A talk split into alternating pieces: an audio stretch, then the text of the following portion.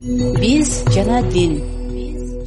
Ислам диниде пайгамбарыбыз айтат адам баласыга пайдалуу илимдердин баарын алганга аракет кылгыла дейт.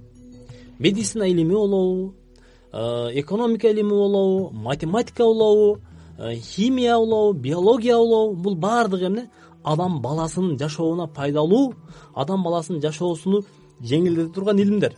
Буларды эмне? Биз окуп пайдаланышыбыз керек. Илим исламдын жашоосу ыймандын түркүгү дедиңиз. Бирок илим алууда эркектер менен аялдардын укугу бирдейби? Аны кандай негизде далилдеп айтып бере аласыз? Эми бул гендердик эме ислам дининде илим алуу жагында эркек менен аялдын айырмасы жок десек болот да. Илим талап кылуу ар бир мусулманга фарз кылынылды деген пайгамбардын хадиси бар.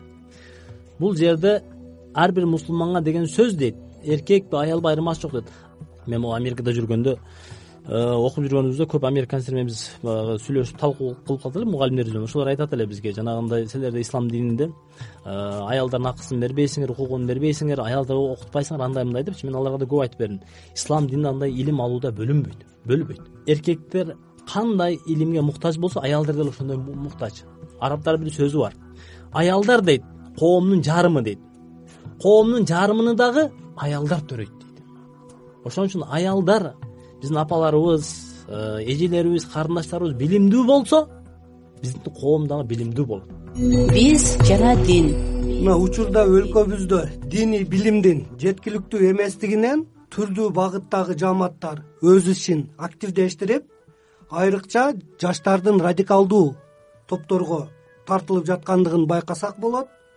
Бул өз кезегинде кыргызстандагы диний кырдаалга дагы терс таасирин тийгизип жаткандыгы жашыруун эмес. Сиздин пикириңиз боюнча бул абалды тиешелүү мамлекеттик органдар муфтият кантип жөнгө салуусу керек? Өзүңүз он жылга жакын билим алган иорданияда мына америка кошмо штаттарында ушул сыяктуу тажрыйбалар барбы? Эми э, негизи илимсиздик. Бизде кыргызстанда көп диний э, болгон э, проблемалар булар көбү ошо сабатсыздыктан келип чыккан нерселер мисалы үчүн мен силерге бир эле мисалды берип кетейин. Мен өзүмдүн тааныштарым бар эле. Бир күн келсем балдарын школго бербептир. Үчүнчү класс болуш керек бирөө экинчи биринчи класс болуш керек. А эмне үчүн бербейсиң? Азыр мектептер болбойт. Э буларды тарбиялаш керек. Жок кудай өзү тарбиялайт. Бул жанагы бизде э, баягы э, адашкан радикальный агымдардагы адамдардын ой пикири ошондой болуп жатат да. А мен айттым эй байке дедим сиз буларды школго бериң дедим. Мектеп бул эмне агарта адамды илим бере турган жер. Булар балдар мектепке барсын окусун тарбия талим алсын депчи. Мен айттым эгер дедим аллах аллах адамга хидаят берет ыйман берет аллах хидаят бербесе ыйман бербесе аны эч ким бере албайт. Бирок илимге адеп ахлакка тарбияга адам өзү аракет кылыш керек. Биз кудай тарбиялайт деп аларды школго жөнөтпөй койсок аларды окутпай калсок койсок биздин келечегибиз эмне болот? Ошон үчүн бул ката түшүнүк биз окутпай коюп балдарыбызды алардын сабатсыз калгандыгы зыяны көбүрөөк болуп калат.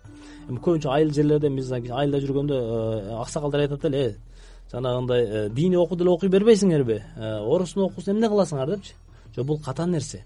Ошо алар орустун окуусу дейт бул орустун окуусу эмес эле дүйнөбүй окуулар. Булар адам баласына керектүү илимдер ошо географияны химияны биологияны астрономияны ошо арабтар деле окуйт пакистандтар деле окуйт бүткүл адам баласы эмне? Окуйт. Ал адам баласыга жалпы адам баласына керектүү илимдер. Биз жана дин.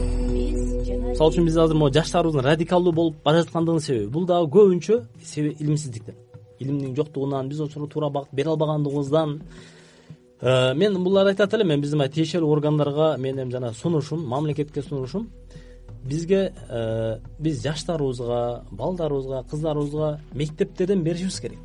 Кандай диндер бар дүйнөдө алардын кандай агымдары бар? Алардын кайсы агымдары мисалы үчүн радикальный эмес? Кайсы агымдар радикальный? Кайсысын жанагындай биз э, балдар окуучуларга мектептен университеттен мындай ачыктап түшүндүрсөк алар чоңойгондо уже жана эмне? Бат адашып кетпейт жанагындай азырылып кетпейт да жанагы нерселерге. Себеби аларда билим бар фундамент бар да мисалы үчүн кайсы туура кайсысы ката кайсысы кандай билет.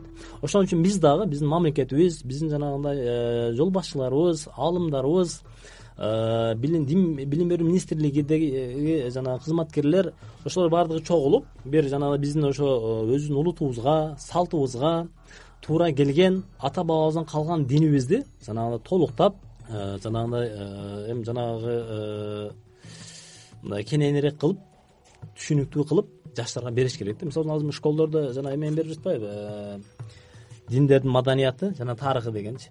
Ал сабакты деле берсе болот. Бирок ага караганда ошо диндер жана алардын агымдары ошол предметти берсе кененирээк ошол пайдалуураак болот эле. Окуучуларды ошо мектептен университеттен берип баштасак жанагындай адашып кетпейт жанагындай биздин э, граждандар ал жака бул жака кетип баягы согушкалы кетип жатат азыр. Көбүнчө жаштар кетип калып жатат.